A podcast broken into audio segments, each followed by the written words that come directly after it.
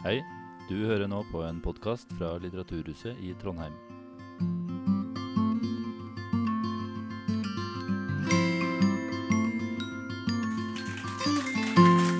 Takk.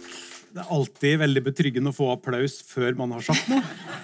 Um, jeg heter, som Trond sa, Snorvalen er redaktør i Trønderdebatt, og med mine 30 samla studiepoeng i statsvitenskap så er jeg å anse som bindeleddet mellom lekmannen og den faglige autoriteten.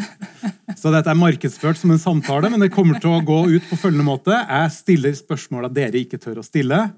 Karen Anna forklarer. For den vi har med oss, er jo ingen hvem som helst, men Karin Anna Eggen. I dag forsker ved Institutt for forsvarsstudier ved Forsvarets høgskole.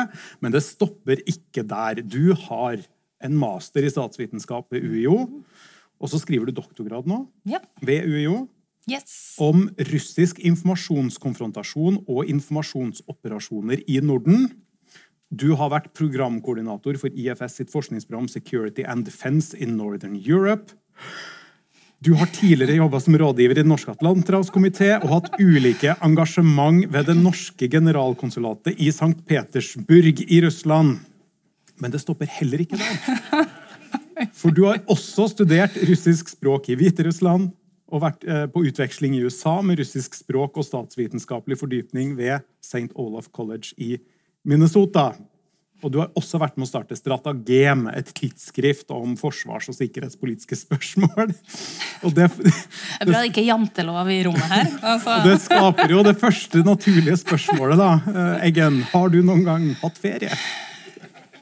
det siste året um, Jeg har hatt noen uker hvor jeg har slått av telefon og e-post. Men uh, det har ikke vært så mye ferie de siste årene. Nei. Men uh, tar det når det går an innimellom. For trivelige turer til Trøndelag. Da går det an å slappe av. Godt, godt. Um, og eh, En av grunnene til at jeg spør, er selvfølgelig at jeg antar det siste året har vært veldig travelt. Um, når det skjer veldig store, uh, altså nærmest monumentale hendelser som endrer den verden vi lever i, så ser vi alle sånn fortvilt etter noen som kan forklare oss hva det er som skjer.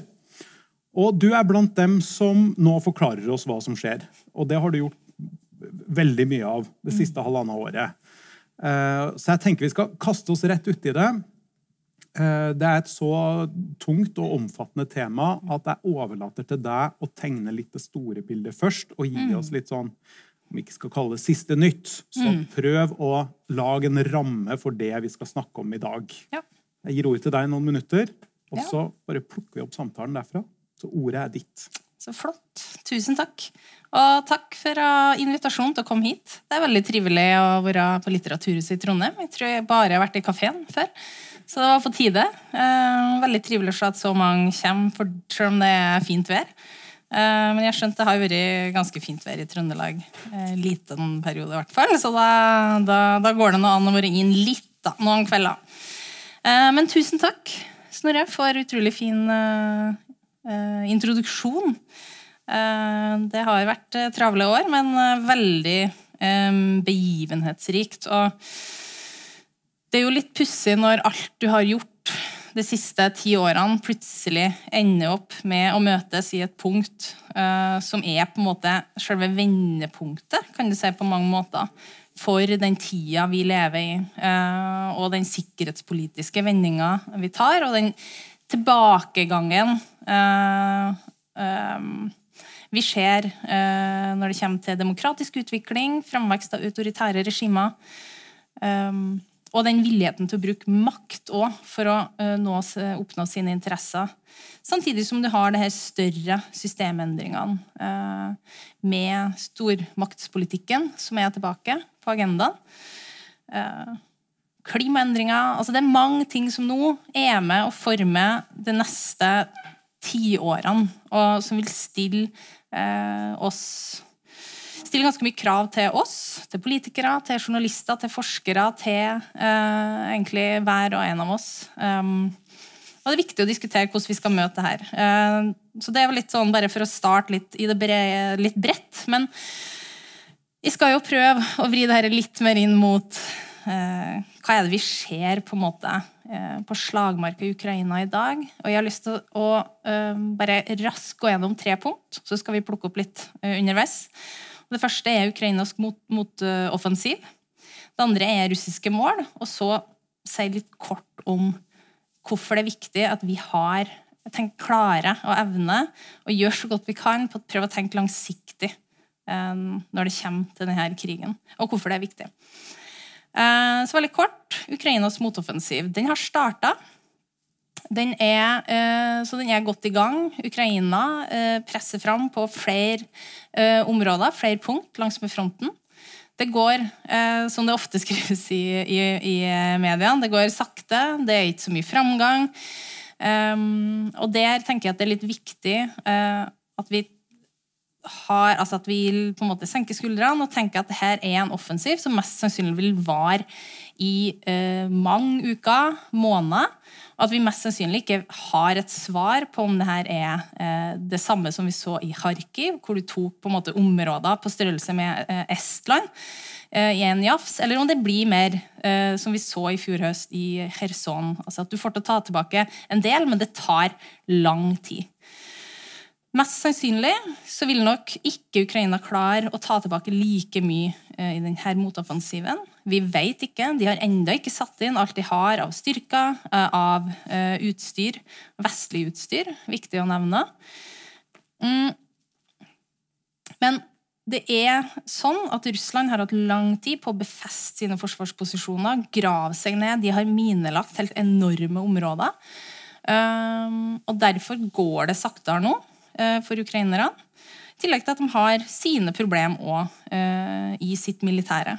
Um, men det er store grunner til å knytte forventninger til offensiven. Og jeg tenker at vi, når det kommer til den, så må vi eh, hvert fall vente med over sommeren til å bedømme hvorvidt det er eh, vellykka eller ikke. Um, ting tar tid. Dette er krig, det er brutalt, og det er, det er blodig. og eh, det er nok unntaket heller enn regelen at du klarer å ta tilbake så store områder på så kort tid. Og Da er vi jo over da, til et viktig eh, poeng her, og det er eh, Russlands mål. Eh, det er helt klart at de dårlige resultatene de har hatt på slagmarka De skulle i utgangspunktet ta Kyiv på tre dager. Eh, nå er det gått 16 måneder, og de har befesta seg i et område på altså det er ca. 20 da, 17-20% av Ukrainas territorium. Eh, og de har måttet endre mål, målene sine på slagmarka, det er jo fordi de har blitt drevet tilbake av ukrainske militære. Men det må ikke blandes med at de har endra de overordna strategiske målsettingene sine for eh, krigen i Ukraina. De består. Det er for det første politisk kontroll i Ukraina. Um, det andre er at uh, de skal uh, ha rett til interessesfærene sine. Uh, for det har, mener Russland at de har krav på som stormakt. I tillegg skal Nato dyttes vekk, og vi skal opprette en ny sikkerhetsorden Eh, som da skal, uh, skal være i Russlands uh, Altså som skal følge Russlands interesser. Og de her målene består. Vi har en ledelse i Moskva, i Kreml, Putin og hans innerste sirkel. De mener at de skal klare å oppnå de her målene på sikt. Og det er lite, og enda i hvert fall, som tyder på at de blir utfordra på noe som helst vis. De har stengt eh, så godt som alle muligheter for eh, protest eh, og folk som tar det imot på hjemmebane. Eh, den totalitære vendinga er, eh, er, Du kan ikke stille spørsmålstegn med den, nesten. Um, og det er sånn at de er villige til å, For å oppnå de her målene så er de villige til å bruke så godt som alle virkemidlene de har tilgjengelig i sin verktøykasse. Mm. Og den brutaliteten vi ser i, eh, i, Ukraina, med russifisering av de okkuperte områdene, den militære brutaliteten, eh, den tror jeg overgår eh, noe av det vi kan egentlig begynne å forstå. Vi skal snakke litt mer om det etterpå. Um, og det er òg viktig ikke sant, uh, det jeg går inn i det siste poenget mitt. Uh, den langsiktigheten, at vi klarer å tenke langsiktig. Vi har en del gode tiltak. Nansen-pakken, det femårige støttepakken til Ukraina. Det er et sånt viktig langsiktig tiltak som viser at vi ikke tenker at vi skal trekke oss ut fra Ukraina. Vi skal være der, vi investerer. vi skal fortsette å støtte. Ikke sant? Det er beskjeden fra den norske regjeringa når du uh, gjennomfører eller bevilge sånne summer over så lang tid. Um, og jeg tror det er litt viktig å ha i mente at den, det motoffensiven, da, om den går dårlig eller bra, så kommer det en tid etterpå hvor Ukraina kommer til å ha behov for mer militær støtte og politisk støtte. Og, og jeg frykter jo at altså, skulle det gå ikke så bra som man kanskje forventer, så vil du begynne å få igjen der diskusjonene om at ok, men nå må, nå, nå må, vi gjøre noe for å få i gang fredssamtaler. Og misforstå meg rett, fredssamtaler og dialog og altså, Det er jo i utgangspunktet en utrolig bra ting, men av ulike årsaker som vi kanskje diskuterer litt mer, så mener jeg at er den politiske løsninga er ikke på plass. Du har to parter som er galakser eh, fra hverandre når det kommer til eh, målsettinga med krigen. Ukraina sier Russland skal helt ut.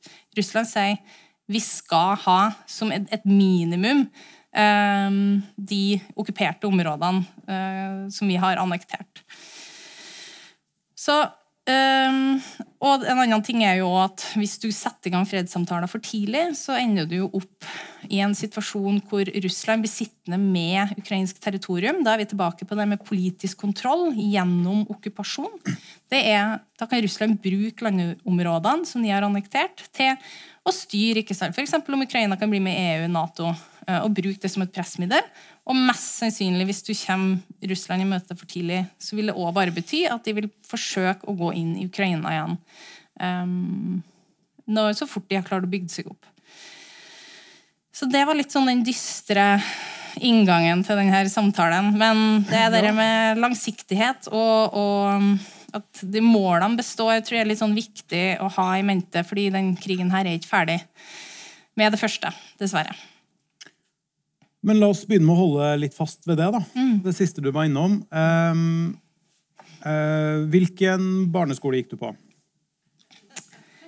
Breide oppvekstsenter. Breide oppvekstsenter. Ja. Jeg gikk på Berg her i Trondheim. Og jeg er helt sikker på at selv om det er langt fra Snåsa til Trondheim, så hadde vi noe som var helt likt, og det var FN-undervisninga. Vi markerte FN. Det er hva vi har i Snåsa. Jeg er litt usikker. vi har ikke FN i Snåsa. Jeg er imidlertid ganske sikker på at eh, du òg, i likhet med nesten alle andre som har vokst opp de siste 50-60 åra i Norge, mm. har lært at noe av det aller beste vi har oppnådd i verden etter andre verdenskrig, eh, det er en internasjonal verdensorden der man nettopp presser på for å sørge for fredelige løsninger på væpna konflikt så fort som mulig. Ja. Og, og, det er liksom innfallsvinkelen vår, uansett om vi snakker om krigene på Balkan på 90-tallet, eh, krigene i Sentral-Afrika Ja, egentlig hvor som helst i verden mm. så har kravet alltid vært vi må få en slutt på krigshandlingene. Vi må få til en politisk eller diplomatisk løsning. I mange mange, mange år hadde vi debatt om Norges engasjement i eh, først Irak, og så Irak og Afghanistan. Og der de som ønska styrken ut, sa akkurat det samme. Svaret er ikke militært, det er politisk. Så vi har alle lært opp til å tenke sånn. Så du må nesten forklare hva er det som gjør denne krigen annerledes?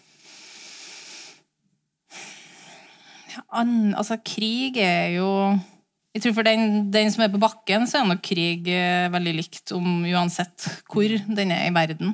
Um, og jeg kan ikke snakke for alle andre kriger. Uh, men det jeg kan si, og grunnen til at jeg tar et litt mer tydelig standpunkt for du har helt rett. Altså, I en ideell verden så har en politisk løsning på denne konflikten vært å foretrekke. Mm. Um, men nå er det en gang sånn at den aktøren jeg har valgt å vie veldig mye av min tid til, som er Russland, er en aktør som har vist uh, over lengre tid, men det bør i hvert fall ikke være noe tvil etter de siste 16 månedene, at det er en aktør som lyver ganske skamløst. Um, som ikke uh, ikke overholder internasjonale regelverk. Det er jo Argumentet er jo veldig ofte fra russisk side at det er eh, Vesten som bryter alt som finnes av, av regelverk og avtaler de mener er inngått. Um, men eh, skal du ta Russland på ordet, så er det jo et faktum at eh, de har signert både Budapest-memorandumet, de har signert Helsingfors-traktaten. Og og, og der, der, har jo de signert på at de garanterer for Ukrainas suverenitet. Mm. Um, det, det, Budapest-memorandumet, det, det, dekker jo um, Eller det, det, blir jo signert Ukraina ga fra seg alle sine atomvåpen. Uh, I bytte da mot den garantien om at de uh, Garantien for sin side Skal få være i fred. Ja. Kan jeg si det så enkelt. Um, og det vil jo påstå at 2014 viste at Russland ikke har noen intensjoner om å etterleve, og i hvert fall 24. februar og 2022. Um, og det er jo òg litt sånn at uh, Russland bruker jo atomvåpnene sine for å, å skremme. Det er avskrekking på aller høyeste nivå. Det er ganske effektivt. Og mye, Vi har hatt mye diskusjoner på hvorfor går det så sakte. Hvorfor kan ikke på en måte Vesten bare sende alt av våpen? Og så er jo ikke det bare pga. atomvåpen. Det handler jo litt om at vi har jo brukt de siste 20 årene på å bygge ned forsvarene våre. Så vi har jo ikke de ammunisjonslagrene som eh, vi kanskje burde hatt. Um, men mye av den sendrektigheten det går jo på at strategisk avskrekking fungerer. Du har uh, ulike sider med uh, Nå er jo Vesten støtter jo Ukraina, som er den krigende uh, parten her. Men um, men det er jo sånn at strategisk avskrekking fungerer. Uh, Russland har atomvåpen. Det bruker de til å true ved hvert korsvei. Når det er snakk om økt våpenstøtte til Ukraina, så kommer atomvåpentrusselen. Det er i litt ulik form om det er Medvedev som sender masse gale tweets på internett, eller om det er sjelden Putin sjøl. Han skal holde seg litt unna, men det beste eksempelet, og det er kanskje den eneste gangen Putin har vært veldig tydelig, var når han beordra um, en um, Hva heter det? Altså uh, Like etter invasjon. Uh, altså bred, ja, økt beredskap på atomvåpenstyrkene. Uh, og det husker jo alle. Altså, da forsvant jo jodtablettene fra samtlige apotek i Norge på dagen. Så avskrekking, atomvåpen, funker. Um, altså, tenker jeg jo, men da er det jo enda større grunn til å bare gi seg? Eller å gi etter? Ja, jo, Vi har jo hatt noen diskusjoner på det med uh, hvor går de røde linjene. og, mm. og, og misfor, altså, forstå meg rett, Russland har en atomdoktrine. De har, uh, Hvis statens eksistens er trua, så kan de bruke atomvåpen. Det har de skrevet ned. Uh, og du kan også si at de har kanskje senka terskelen også for bruk, i hvert fall retorisk. Mm. Um, men så er det nå en gang sånn at Russland har ekstremt uh, stort, stor nytte av å bruke dette våpenet som et psykologisk våpen. Uh, da er vi igjen på den avskrekking, eller skrekkinga, som noen, uh, noen i militære sirklene kaller det òg. Um, og det mister de om de bruker det. I tillegg så er den potensielle faren kan du si, for Russland ved å bruke atomvåpen er enorm. Eh, det er um, USA har i hvert fall i bakkanaler, skal han tro relativt troverdige kilder, sagt ganske tydelig fra at hvis det blir brukt atomvåpen i Ukraina, så er russiske styrker ut på dagen. på en måte. Um, og så Et annet viktig poeng der det er at Kina har gått ganske tydelig ut og sagt at de er ikke interessert i en atomvåpenkrig. Og det er litt viktig, fordi Kina er det landet som gjør at Russland klarer å, holde seg flytende økonomisk. Og så er jo de diskusjonene om de bidrar med eh, militær støtte, og det er nok noe under eh, noen uh, underkanaler her hvor det leveres uh, ganske mye såkalt dual use-kapasitet. Uh, altså ting som kan brukes til både sivil og militær øyemed. Mm. Um, men så jeg, jeg, er på en måte ikke så bekymra for atomkrig, fordi eh, vi, vi, er på en måte ikke der ennå. Men sjansen finnes jo, og den terskelen er lavere i dag enn den er for to år siden. Eh, og det er jo bekymringsverdig nok i seg sjøl. Men jeg tror det er litt sånn viktig hvis en skal Og det er jo mye, det er blitt snakka mye om, ikke sant, at hvis du nå legger deg flat for atomvåpentruslene, så åpner det døra for videre russisk uh, atferd. Ikke bare i Ukraina, men òg De har jo ganske Putin har jo åpent sagt at det her er en, et prosjekt for å gjenforene det historiske Stor-Russland. Og det inkluderer jo ikke bare uh, Ukraina. Belarus har det jo så godt som tatt allerede. Men uh, de baltiske landene, Finland er jo inkludert i det òg. Mm. Um, så hvis du legger på en måte hvis, hvis du ikke imøtegår nå, så vil problemene bare bli mye større fram i tid. Um, men det er, det, er et, uh, altså, det er, et, spill som er skummelt og skummelt, og skjønner godt at folk blir redde. Men jeg tror det er litt, det er litt hvordan prinsippen skal stå ved òg. Ja. Ok, så hvis um, Nå kan det bli litt corny, det jeg skal si, da, for jeg skulle til å si ok, men hvis vi ser bort fra atomvåpen, så høres det ut som det du sier, er at. Men så er jo problemet at veldig mye av resonnementet ditt hviler på nettopp det at parten som har starta krigen, er en, er en atomvåpenmakt. Mm. Men budskapet består vel likevel at du Det du sier, er at hvis ikke Russland stoppes i Ukraina nå, mm. så vil vi få større problemer seinere. Ja, det tror jeg. Ja. Hvis Ukraina presses til forhandlingsbordet for tidlig, så vil denne konflikten bare Den vil vare mye lenger. Det er jo det første. Eh, fordi Ukraina av veldig gode grunner ikke kommer til å slutte å slåss, til og med med redusert våpenstøtte. Og det handler om den ekstreme brutaliteten de er utsatt for av Russland. Og det er ikke noe interesse i å ha ukrainsk befolkning bak eh, eh, altså på okkupert russisk territorium, hvor det er interneringsleirer, massedrap, voldtekt, kastrering er det siste som dukker opp nå. Um, det er uh, Jeg sa vel interneringsleirer, men masse, altså, kidnapping av barn. Uh, deportasjoner, du tvangsutsteder pass. Russiske mobilnummer, endre skoleverk. Um, du har jo òg nytt fra april i år, et dekret som, som Putin har signert, hvor alle borgere på okkupert territorium er nødt til, i de ulovlig annekterte da, regionene i Ukraina. Du må søke russisk statsborgerskap innen neste juli. Og hvis du ikke gjør det, så kan du utvises. Det er jo ikke sant, Du erstatter opprinnelig eh, befolkning med russiske borgere. Og det her pågår i så stort omfang, og det er så brutalt at Ukraina kommer ikke å slutte å slåss, til og med med redusert våpenstøtte. Det er nesten sikker garanti på at du vil fortsette å ha eh, president Putin Eh, som styrer Kreml, og det russiske regimet.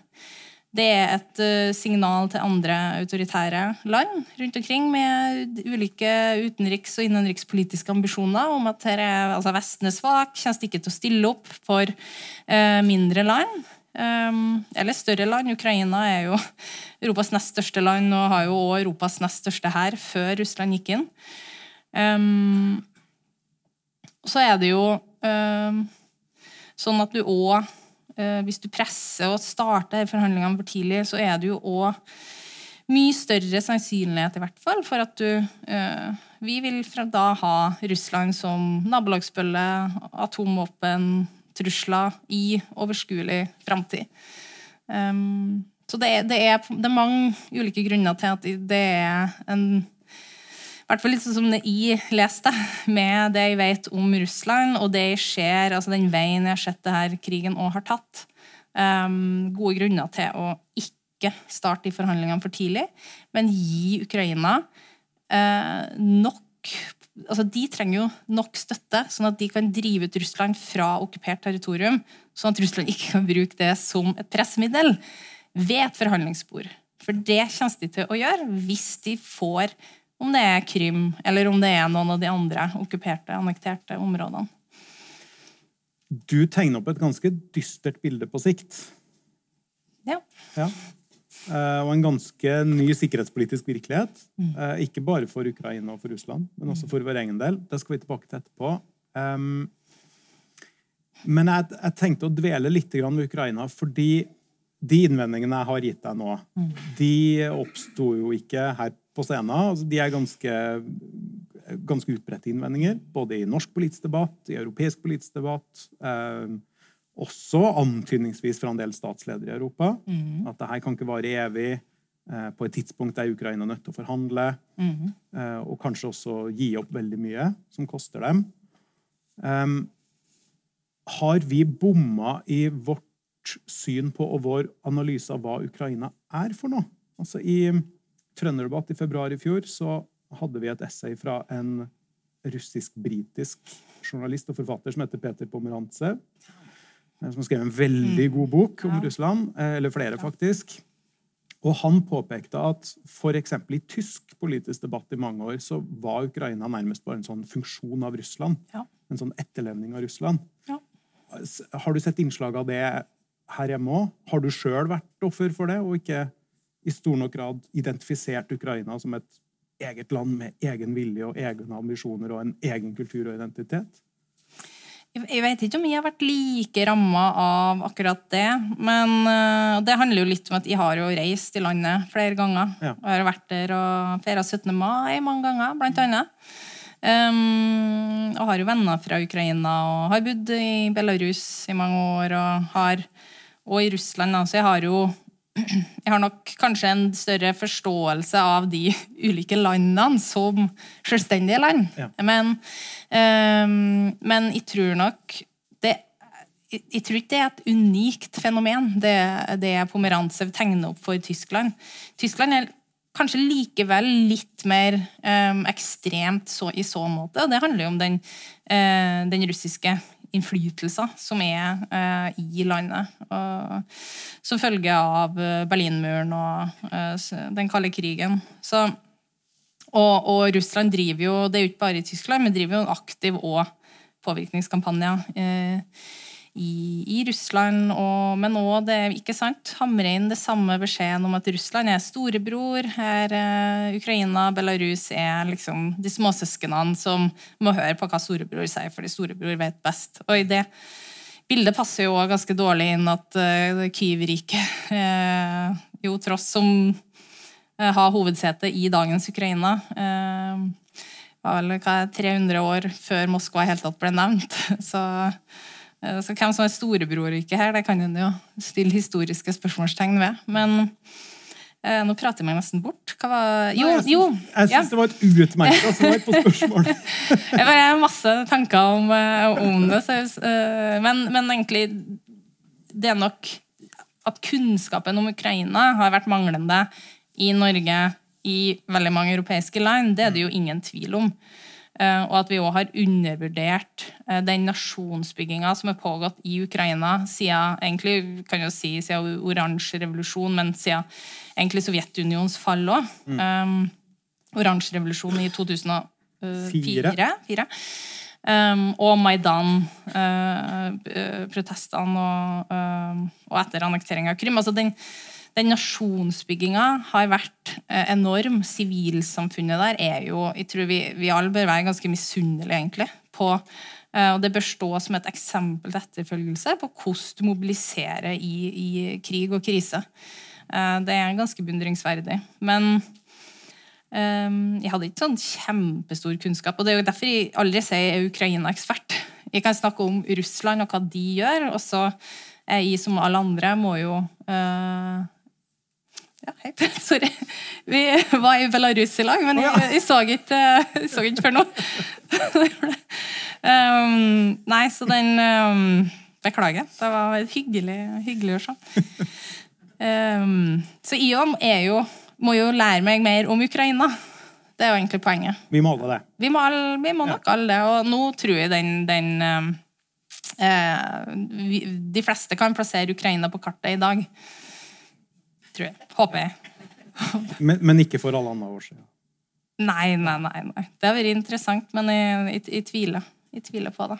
Det, det tror jeg du har rett i. Og um, ja, ofte så flirer vi av sånne det har du sikkert sett selv, sånne videoer på YouTube med amerikanere som blir bedt om å plassere ulike europeiske land på et kart. Ja. Så flirer vi av hvor dumme de er. da, som ikke har peiling. Men, men vi har jo ikke peiling sjøl heller. Nei, jeg På veldig mye av verden. Ja, nei, altså, Jeg skal være helt ærlig, apropos Belarus her. Eh, når jeg kom inn, Det var et program gjennom Nord-Trøndelag fylkeskommune. Eller eh, ja, tidligere eh, Nord-Trøndelag fylkeskommune. Hvor jeg, når jeg fikk plass på det programmet, og fikk vi diskutere Belarus, så jeg måtte fram med kartet. For jeg var litt sånn Hvor er det egentlig? Så jeg har heldigvis kommet litt eh, lenger eh, etter det. Men eh, På vei, på vei mot doktorgrad. på vei mot doktorgraden. Ja. Og den skal vi snakke Vi skal ikke snakke om doktorgraden, da, men vi må, vi må jo dypdykke litt i det du da sjøl er villig til å si at du er ekspert på. Nemlig Russland. Ja. Eh, og eh, Russland som aktør. Um, jeg satt i utenriks- og forsvarskomiteen i to år på Stortinget for ti år siden.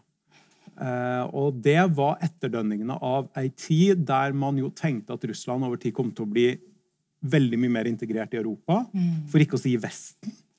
Eh, og det var en rådende idé, ikke bare på 90-tallet, der alle trodde at alt kom til å bli bra, og frihandel var fantastisk, og grensene åpnes osv., men også etter 11. september, og der Russland tilsynelatende stilte veldig opp for USA. Det var sånn øyeblikk i verdenshistorien der mange tenkte at de gamle kaldkrigkonfliktene for alltid var borte. da.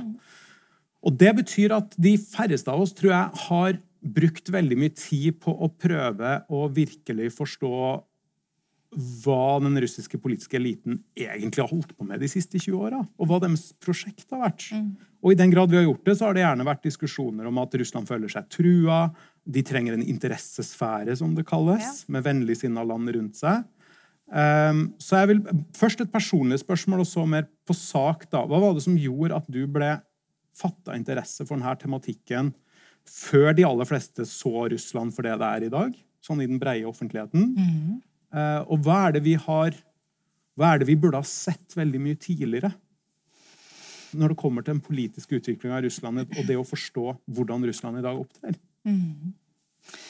Um, ja, nei, altså den Min inngang var jo gjennom språket, egentlig. Litteraturen, poesien. Um, det var jo litt pussig, egentlig, å, å, dra til Belarus og et, et tilsynelatende selvstendig land uh, hvor det hviterussiske språket var ikke-eksisterende, nesten. Det var De som snakka hviterussisk, ble ansett som opposisjon.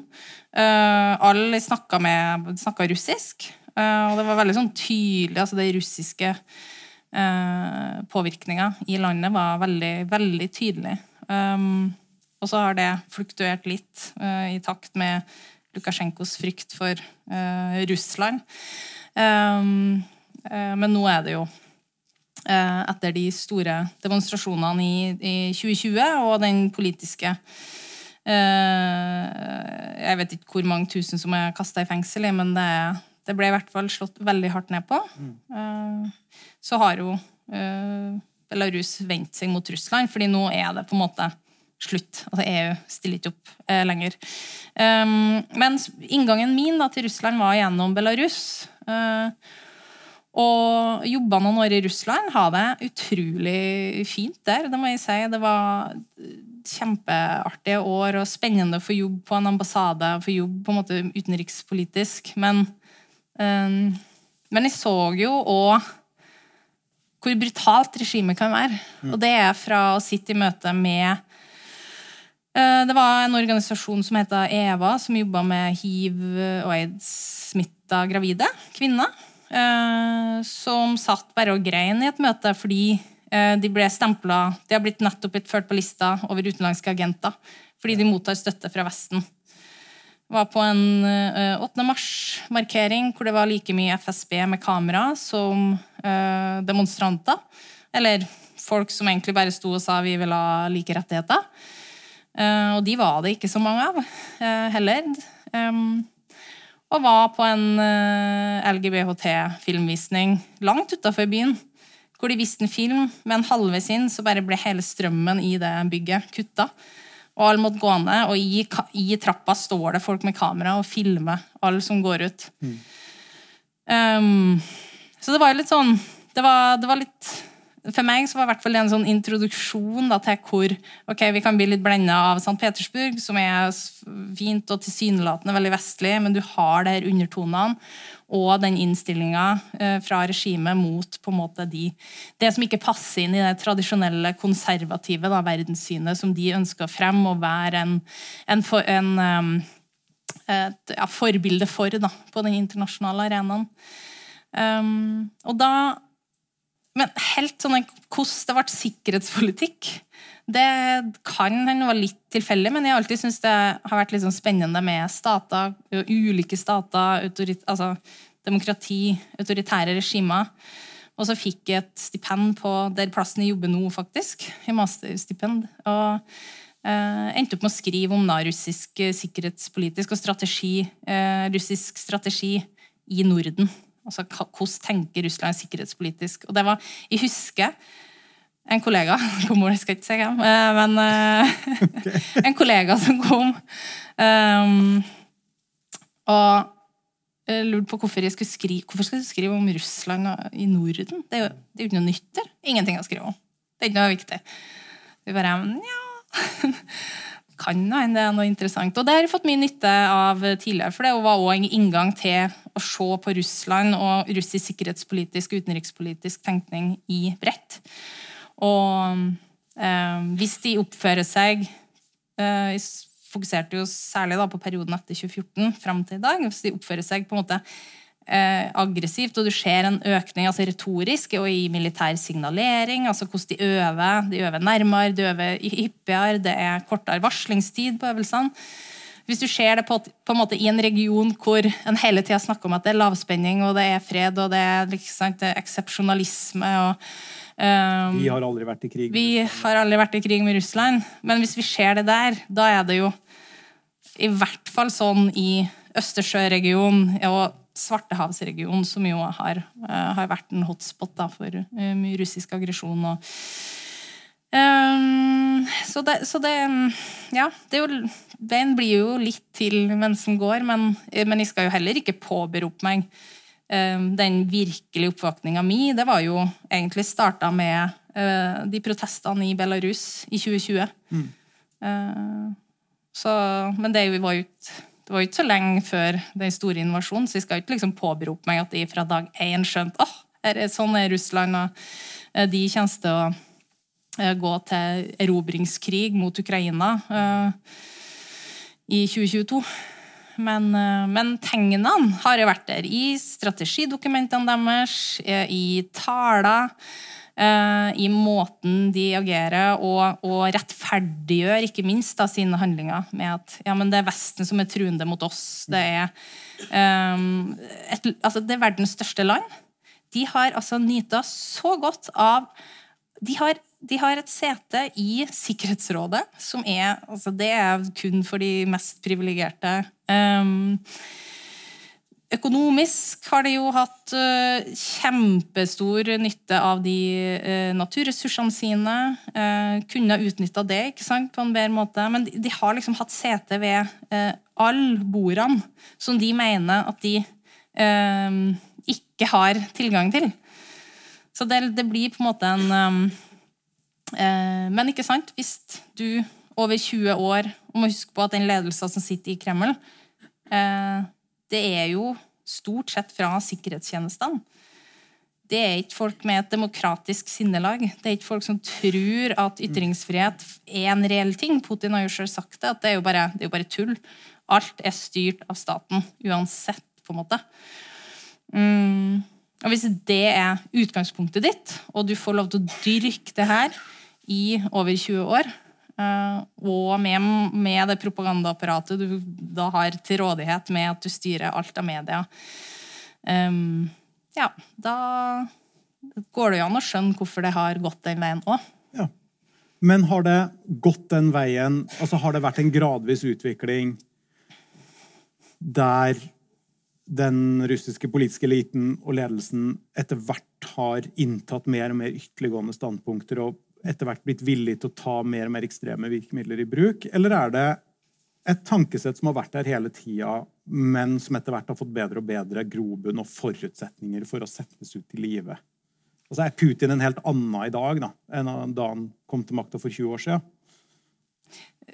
Det er jo et, det er et veldig godt spørsmål. Jeg lener nok mer mot det siste Nei, ikke at han er et annen person. Jeg tror Nei. nok det, det, det, den, Det har vært der hele tida? det har vært der hele tida. Ja. Uh, og så har jo um, de grensene for hva Russland kan gjøre, hele tida blitt dytta på. Og så har responsen stort sett vært å, appeasement. Vi skal, nei, nei, men vi skal imøtekomme Russland. Um, Georgia 2008 er jo et uh, eksempel. Uh, Ukraina 2014. Altså den gradvis dyttinga av grenser og det responsen, eller ikke responsen det har fått, har nok òg gjort at uh, du ser at ja, men da kan vi ta oss til rette. Vi kan ta mer av det uh, rommet. Um, så jeg tror den, de, de grunnideene har eh, ligget der. Og da er vi igjen tilbake på det hvis du følger på en måte strategidokumentene, hvis du følger talene, så er jo veldig mye av de punktene kan du dra tilbake langt i tid. Og det er ganske mye òg kontinuitet fra Sovjetunionen. og i dag veldig mye fra tankegods uh, før det òg, 1700-1800-tallet. Så, så, det er stor grad av kontinuitet i den måten å tenke om verden på, måten å tenke på russisk plass i verden, og hvordan rett du har da, som i regi av at du er den stormakta Russland mener de sjøl uh, i hvert fall har krav på å være.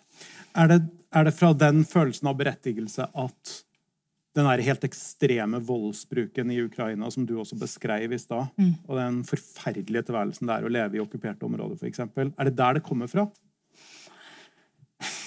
Mm, det er jo liksom vans det, det, er vanskelig sånn Det er ikke et ja-nei-spørsmål, nødvendigvis, men, men det, det, jeg kan si, det er at altså, krig på ruski, altså krig på russisk, det har alltid vært ekstremt blodig. Ja. Så jeg tror, Vi snakker jo mye om det ja, men bryr ikke seg i det hele tatt om at så mange mennesker dør. Um, så, det, så er jo del av det svaret mest sannsynlig ikke, fordi veldig mange av de som er sendt dit, er jo fengselsinnsatte eller folk fra fattige utkantregioner. Langt fra Moskva. Langt fra Moskva.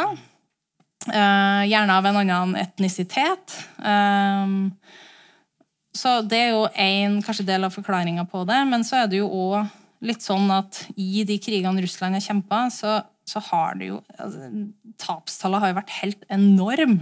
Mm. Og vi så det jo i Tsjetsjenia, de to krigene der òg. Liksom, taktikken er ikke sant, at du, du pøser på med masse. Um, og så går det Har det jo gått skikkelig dårlig før òg, i begynnelsen. Men så vinner de til slutt, da. Fordi de har den. De har veldig mye folk. Uh, de har uh, mer ammunisjon hvis en rekke til krigen i Ukraina. Eh, og så har de nå en gang òg ja, Om det er evne til utholdenhet. Det er jo litt diskusjoner til hva, hva liksom det Hvis en skal liksom sette fingeren på noe. Det er sammensatt. Um, men det er jo strategisk kultur òg, helt sikkert. Men vi skal ikke si hva nøyaktig svaret er, men det er, det er noe med den, den, brutaliteten du er er uh, Hva skal jeg si eh, Forma i. Og det russiske militæret er jo ikke kjent for å være særlig humant. Mm. De har jo hatt enorme problemer. Det, altså, selvmordstall og, og det er jo òg etter de store russiske, eh, de militære reformene du så etter mm. krigen i, eh, i, Georgia i 2008. Um, så den brutalitetskulturen er jo helt klart til stede. De lengdene folk har vært villige til å gå for å unngå å bli kalt inn til verneplikt, f.eks. Sånn. Ja, ja, det er jo jeg tror anslaget er 1,6. Og det er jo ikke bare menn som kan risikere å bli sendt til fronten, men det er litt ulike tall, men noen estimat er jo på altså at det er millioner som har rømt. Mm. Uh, og mange av dem er jo folk som ikke ønsker å bli sendt til fronten. Så det er jo ikke sånn at alle russere støtter opp under denne krigen eller har lyst til å kjempe ved frontlinjen. Nei. Jeg tror jo mange av oss har vært nødt til å gjennomgå en ganske sånn vanskelig mental øvelse når vi ser bildene fra Ukraina. Et, et, et betydelig vendepunkt i hele Europa tror jeg jo var da eh, Butsja ble frigjort ja. i april i fjor. Um, fordi det er en veldig sånn dobbelthet over måten Russland også snakker om Ukraina på. Mm. På den ene sida et broderfolk med felles opphav og en sånn slags skjebnebestemt Vi skal alltid være sammen. Men på den annen side veldig sånn dehumaniserende språk mm. og, og, vilje til å bruke helt ekstrem vold. Mm. Um, kan du forklare oss litt om det? Altså, hva er det som for en skulle jo bare tro da, at hvis det var noe i Russlands egen propaganda om at russiskspråklig Ukraina er undertrykt av myndighetene, det her er vel i like stor grad en frigjøringskrig som noe annet, mm. eller en intervensjon av et slag, så skulle en jo tro at, at de også hadde interesse av å prøve å framstå som mer human enn det Russland virkelig er i Ukraina nå. Hmm. Ja. Eller tenker jeg for, um, tenker jeg for norsk igjen nå? Du tenker kanskje litt norsk mm. um, Men det spørs litt altså, Hva er publikummet ditt, da? Jeg tror Vesten, ja. det har de tenkt at her eh, Lost case. Lost case. De får vi kanskje ikke gjort så mye med, men vi, de, det betyr ikke at de Det pågår ganske høy grad av påvirkning og ulike eh, eh informasjonsoperasjoner mot eh, Norge, Norden. Eh, men altså På hjemmebane Uh, noe av det første Og det er, jo, det er, jo, noe som har pågått i lang tid. Den, uh, sånn, uh, den totalitære vendinga, og at du, du, du, tar fra folk tilgang på, på um, kan, ikke-statlig informasjon. Ja. Uavhengig, uavhengig medie. Frie medier. Frie medier. Eh, også, og den, den, prosessen der har jo vært dram, altså akselerert dramatisk etter 24.2.2022. Ja. Så den, hvis du eh, er en uh, russer med gjennomsnittlig uh, som, altså Se på TV, nyhetene får du fra TV stort sett, og, og papiravis. Uh, så får ikke du høre om da får du jo gjerne, Det kan godt hende du får høre om at her har det skjedd noe brutalt, men det er snudd på hodet. da, At det er Ukraina som har utført eh, rakettangrep. Det er de som er, driver med uh, alle her voldshandlingene mot, uh, mot Russland. Mm. Um, mens Russland er da den, den gode samaritan som er i, i, Ukraina for å befri det undertrykte. Uh, ja, russiskspråklige ukrainerne som blir utsatt for folkemord. Du skal denazifisere uh, Ukraina fordi Zelenskyj, som er jøde sjøl mm. uh, for øvrig, um, er en nazist. Og det begrepet brukes litt annerledes i Russland enn det gjør i, i sånn som vi tenker på det. Men eh, faktum er at jeg tror den informasjonsbobla på hjemmebane den har de ganske god kontroll på. Um, og de, altså om det er vestlige apper eller tilgang til vestlige nyheter altså det, Du kan fremdeles lese uh, nyheter hvis du, hvis du, virkelig prøver å finne det. Du kan bruke VPN og sånne. Mm. Uh, men den bobla er det, er det, er ganske tett, altså. Og, og, hvis du har i tillegg uh, levd i det systemet i 20 år med, med den propagandaen, så er jo sjansen ganske stor for at du òg tror på eh, det som står i russiske medier, og kanskje du ikke har lyst til å ta inn over deg hvor ekstremt brutalt eh, det er. Og så er det jo mange som støtter, sånn oppriktig støtter Putin. Tenker at krigen er riktig og viktig. Og, ja. og de flesteparten eh, støtter nok på en eller annen måte krigen. Men det må jo òg bety at um, at vi befinner oss nå i en situasjon som er ny, mm. og som er fryktelig alvorlig, mm. som du har satt veldig godt ord på, og som vil vare lenge også fordi per i dag så er det ikke noe, noe realistisk grunnlag for å se for seg en stor politisk endring heller i Russland. Om så krigen her skulle ta slutt på, på ja, best tenkelige vis, da, mm. at Ukraina lykkes i å drive ut Russland. Mm. Russland er nødt til å gi seg. Mm. Det stopper der. Mm. Ukraina tas opp i EU. Mm. Vi kan bare fylle på her, da. Eh, så er det fortsatt mye av det samme Russland vi er nødt til å forholde oss til i en generasjon framover. Ja, ja, det tror jeg. Ok. Og da er jo det neste naturlige spørsmålet hva, hva får det egentlig å si for oss? Altså, hva, hva, hva må vi gjøre? Hva er det vi må foreta oss? Altså, jeg, jeg, tror uh, akkurat nå så Da blir jo et sånn bør, da. Så det blir jo litt mer Kanskje litt sånn uh, sånn, Prøv å ikke gjøre det altfor normativt her, men, men, men um, hvis målet er, som jo er uttrykt fra mange politikere uh, Hvis målet er et fritt, selvstendig Ukraina, mm. så bør fokuset òg være på å gi Ukraina det de trenger for å oppnå det målet. Ja. Og så tror jeg det er en diskusjon om hva som skjer i Russland, den, den får vi ta litt lenger ned i løypa. Mm. Uh, og kanskje vi skulle nå bli uh, en eller annen form for uh, omveltning. Da. Jeg tror igjen det protestpotensialet og er lavt, mm. svært lavt, i Russland. Og på elitenivå òg så er det jo vanskelig med kuppforsøk, fordi du blir jo gjerne fjerna. Men, men her kan veldig mye skje, og det kommer til å skje fort hvis det først skjer. Mest sannsynlig.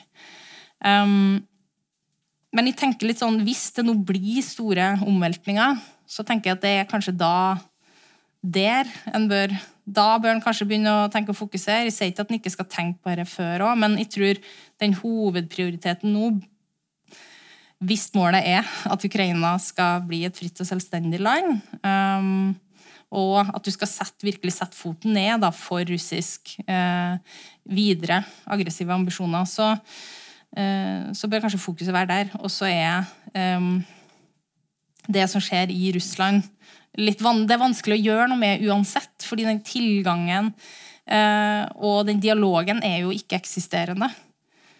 Så du kan jo hjelpe undergrunnsmiljøet, de som jobber med menneskerettigheter. Eh, men det meste av den politiske opposisjonen som du kunne ha tenkt deg kunne vært en plass å på en måte legge inn penger De, de får jo fengselsstraffer på 30 år. Um, eller blir forsøkt uh, forgifta. Altså den det er, det er, det er litt sånn uhåndgripelig akkurat nå. Det betyr ikke at du ikke skal tenke tanken, men igjen, fokuset kanskje skal være heller på, eh, på Ukraina og eh, de allierte, som jo er kjempeviktig for også et lite land som Norge, som er nabo til Russland òg. Er vi for redd for Russland? Det er liksom litt det inntrykket jeg får av, av refleksjonene dine. da. At de truer med atomvåpen, men vi må ikke la oss paralysere av det, sier du. Mm. Og Eh, det kan være farlig å slå de militært i Ukraina, mm. men vi må ikke la oss paralysere av frykt for hva som kan skje etterpå. Men, men, eh, men, hvordan går det opp? Hvis Russland er det du forteller at det er, mm. det du har forska på, og hvis Russland opptrer som de gjør, hvordan kan vi da ikke være redd for konsekvensene av det vi nå gjør, selv? Vi kan godt være kan jo godt være redd sånn. Det er jo um, kanskje et bra, det er et bra instinkt. Bra instinkt, det. Um, nei, men vi, vi, er jo litt igjen på dere uh, at I og mange deler jo det, uh, den analysen, og ikke tror at Russland kommer til å gå til det steget. Men vi vil nok ende opp, hvis Ukraina tar tilbake, altså befrir betydelig territorium, så kommer vi til å stå ved en situasjon uh, hvor Russland kommer til å skru opp retorikken kraftig. Mm. Mest sannsynlig vil vi se òg faktisk fysiske forberedelser. Uh, og det vil bli en kjempestor test for det vestlige samholdet. Mm. Um, og det er jo uh, så klart um, Men det, det, er litt sånn hva Hvilket alternativ har du? Du kan jo, De har jo vært innom det allerede. Mm. Um, alternativet er jo å uh, overlate Ukraina da, til seg sjøl og uh, gå et mye mer usikkert og ustabilt Europa mm. i møte. Mm. Um, så ja, det, det, er et godt spørsmål, men det er liksom vanskelig. Jeg tror det er, jeg misunner jeg har sagt før, og jeg misunner jo ikke de politikerne våre og de lederne rundt omkring som skal ta altså, som må ta de her beslutningene. Mm. Eh, det er kjempevanskelig, og veldig mye er eh, beslutninger som tas eh, basert på veldig mye usikkerhet. Både sant, hvordan Russland kan finne på å reagere. Um, men er atomvåpen Bare sånn Jeg tror um, Igjen, sannsynligheten er lav. Uh, men det, det, det, er min frykt der, det er uh, at uh, Russland Eller at du får en hendelse ved det okkuperte atomkraftverket i Zaporizjzja. Um, hvor, som da blir forsøkt fordekt som en ulykke, eller du skylder på Ukraina. Um, hvor du da ikke får kan, Det blir på en måte et slags atomvåpen mm. uten at du detonerer en faktisk bombe. Mm. Og det vil da òg kan gjøre at du slipper unna uh, mye av de konsekvensene du vil få ved faktisk bruk av atomvåpen. Um, men du vil påføre enorme skader. Mm. Uh, og jeg tror uh, den Kahovka-dammen som um, Og de enorme ødeleggelsene det er medført, er et, ikke sant? det er et steg opp på den stigen. Mm. Um, så det er jo kanskje mer min frykt. Og, og mye av problemet med sånn type hendelser det er jo at det ofte skaper et informasjonsvakuum. Fordi vi vet ikke helt hva som har skjedd. Det er samme med dammen. Uh, og det er jo en sånn der Hvordan forholder du deg til sånn type hendelser? Um, som får så enorme uh, store ødeleggelser, og som skaper veldig mye frykt. Um, men jeg tenker jo at den igjen um, Det er litt som å, å, tisse i buksa for å holde seg varm. da. Vi kan uh, tenke at ok, men vi, vi Ok, Vi slipper det vi har i hendene. Eh, Russland ofrer eller deler av Ukraina. Vi tror ingen, ingen, på en måte tenker at du skal ofre hele Ukraina, men deler. da. Og så står vi bare i en samme, og kanskje enda verre, situasjon lenger fram i tid. Um, det er kanskje mitt svar da, på det spørsmålet. Så det du sier er at vi befinner oss egentlig i en utpressingssituasjon, hele gjengen? Ja. Ja, ja. ja. Det, det, har vi jo gjort lenge. Og så er jo litt sånn, men det, det, er jo Du snakker jo litt om den altså, Det er veldig mye nå som fordrer at vi endrer litt måten vi tenker på verden, hvordan den ser ut, hvordan vi skal forholde oss til den. Um, og det er jo som en del folk i Utenriksdepartementet sier òg at vi har prøvd appeasement, altså hva er det på norsk, da? Um, blidgjøring. Blidgjøring, imøtekommelse. Um, ja, vi, har, vi, har, prøvd det nå i lang tid. Mm. Uh, og på ett punkt så må du òg uh, tørs å ta uh, Gå til det steget og si no, nok er nok, da. Mm. Uh, men det går jo veldig imot den, som du sier, den ut utdanninga vi har hatt fra tidlig alder, som er fundert på uh, internasjonal rettsorden, vi skal løse ting med, med ordets makt. Uh, men så har du aktører som Russland som misbruker det uh, på alle mulige måter de kan. og i tillegg da bruke utpressing. Om det er atomvåpen, økonomisk Det de har. Alle virkemidler i statskassa er tilgjengelig. For, å, for Russland da, til å forsøke å oppnå sine interesser og mål. Som du sier, så er det mange som har måttet tenke over sitt syn på verden på nytt. Siste halvannet året. Mm. Um, et veldig talende eksempel synes jeg er talen Jens Stoltenberg holdt på NHOs årskonferanse mm. i januar. Um, der han advarte veldig mot å gjøre seg for avhengig av autoritære land og la eh, forretningsinteresser eller økonomiske interesser gå foran hensynet til mm. egen sikkerhet og til demokrati. Og for hans del da, så er jo det en ganske lang reise fra å være en veldig sånn eh, frihandelsinnstilt mm. politiker i veldig mange år, positiv til økt næringssamarbeid med Kina, til å eksplisitt advare mot Kina. På samme måte har Eh, SV snudd i sitt syn på norsk Nato-medlemskap.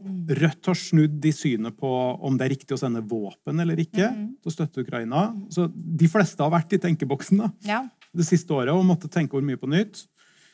Hva er det du syns det er viktigst at vi alle tenker over på nytt?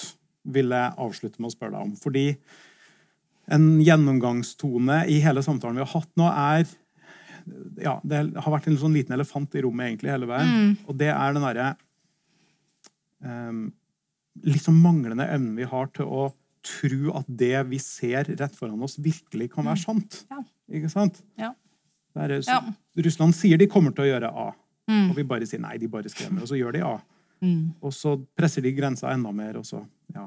Og litt de samme mekanismene har vi sett i Norge etter vi har opplevd terror. Mm. Vi har liksom problemer med å ta inn over oss at dette faktisk har skjedd, mm. og at noen har ønska å påføre oss den smerten. Uh, så hva er det vi hva er det vi ennå ikke har tatt en sånn tankeprosess om? Hva er det ved situasjonen vi står i nå, og ved vårt forhold til Russland, og ved ja, den internasjonale situasjonen, der vi alle må gå i oss selv og tenke nytt? Mm. Uh, ja, det er et stort spørsmål. Sparte det til slutt. Sparte det til slutt. Ja. Jeg er litt interessert i å høre hva du tenker om det òg. det var en sleip eh, move. hva, mener, hva mener du, Snorre, om det her vanskelige, store spørsmålet? Nei, jeg tenker um, Oi. Ja. Nei, jeg tenker jo at, at, det meste jeg har uh, Det meste jeg har tenkt om verden fra jeg var barn, mm. Har vist seg å på en måte være veldig feil.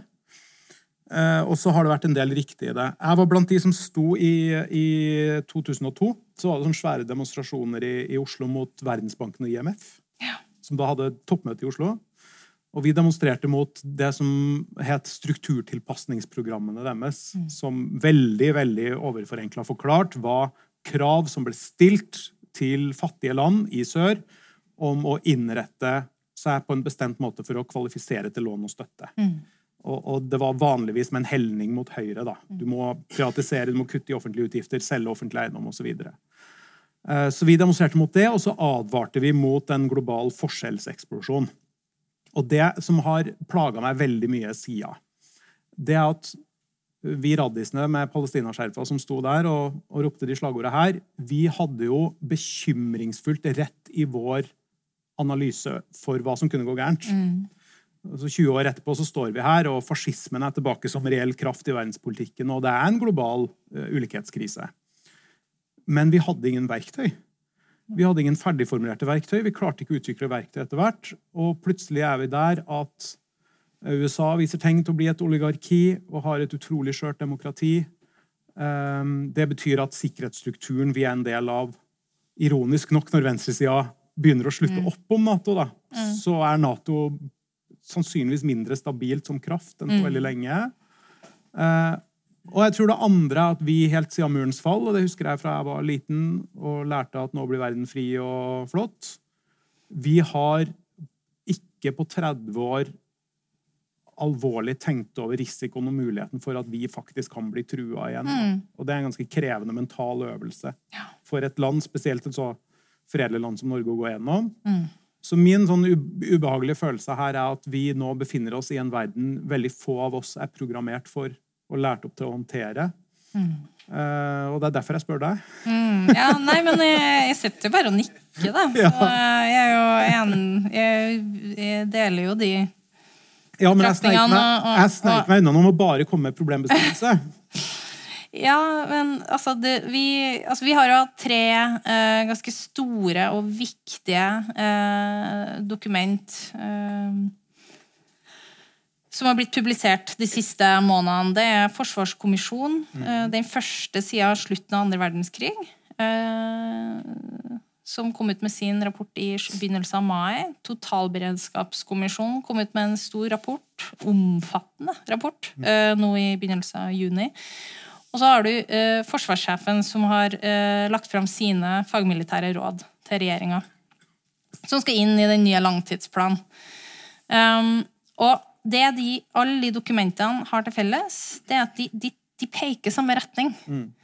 Uh, og de peker på en verden som er mer usikker, er, er ikke sant, mer uh, Altså, du har konfrontasjon mellom stormaktene. Uh, større rivalisering på sikt mellom USA og Kina. Um, den, den evnen, men viljen til å bruke makt for å oppnå dine mål. Um, altså, og alle peker på at nå er det alvor.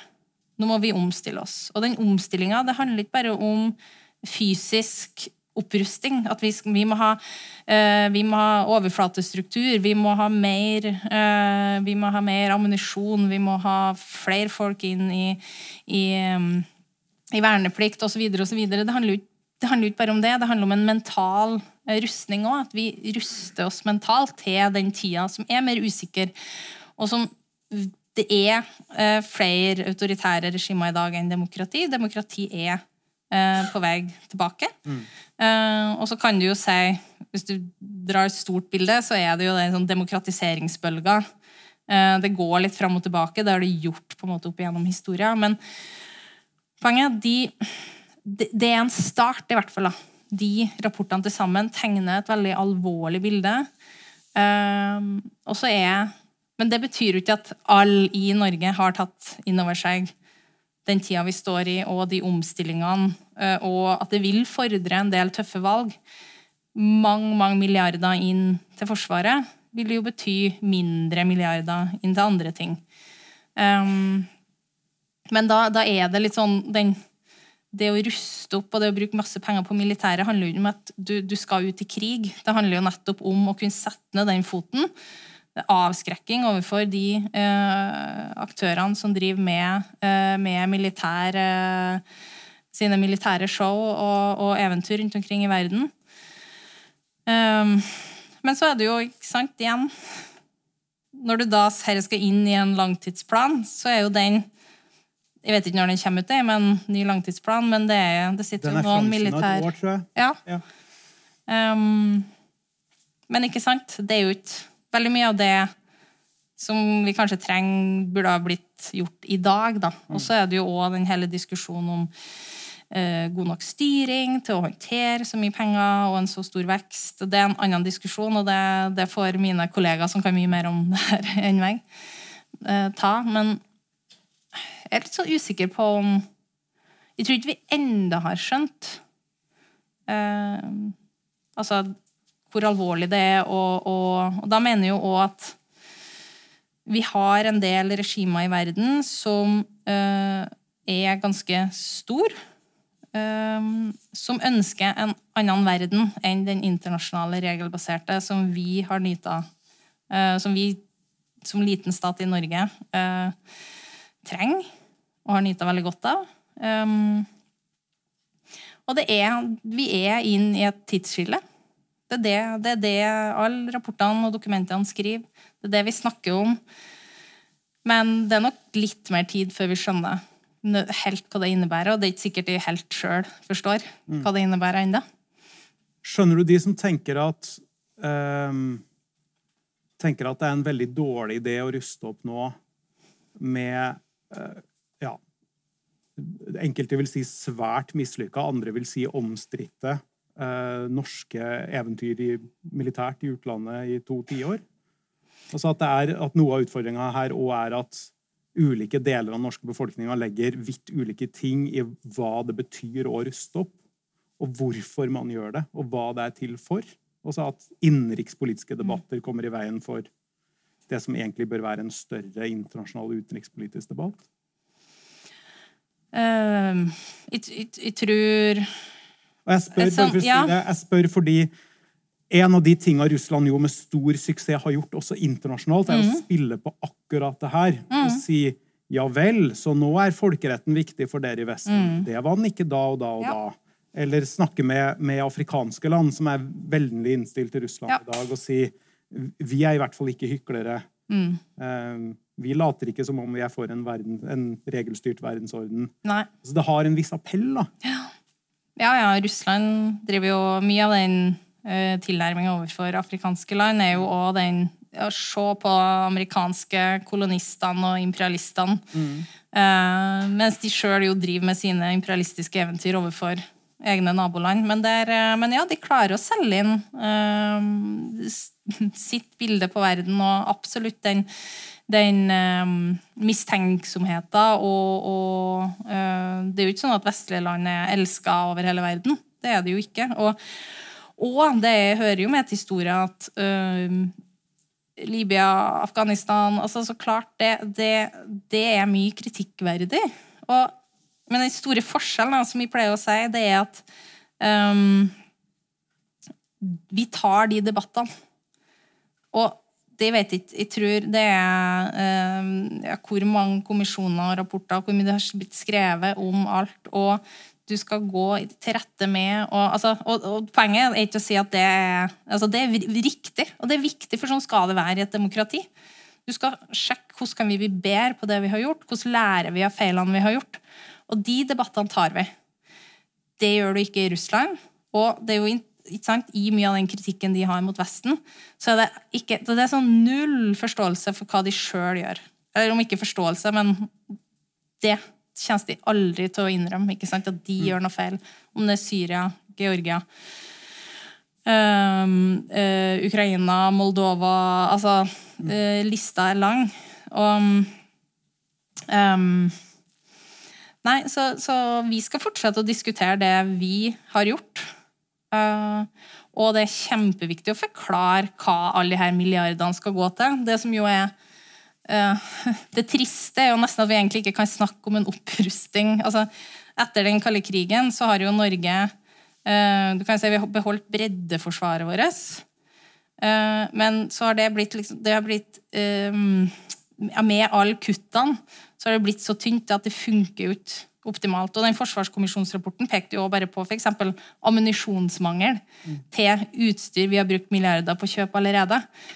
Og sånne ting er veldig viktig at pekes på. At du blir forklart hva er det vi nå skal gjøre. Jo, de 70 milliardene det er egentlig for å få Eller Forsvarskommisjonsrapporten da, foreslo totalt uh, 70 milliarder. Så har forsvarssjefen kommet med altså, Som en kollega sier, det er litt annen matte, men det er ca. samme tall. Og det er gigantiske summer. Men det er jo for å få det forsvaret vi har i dag, til opp og gå og fungere som forventa, egentlig.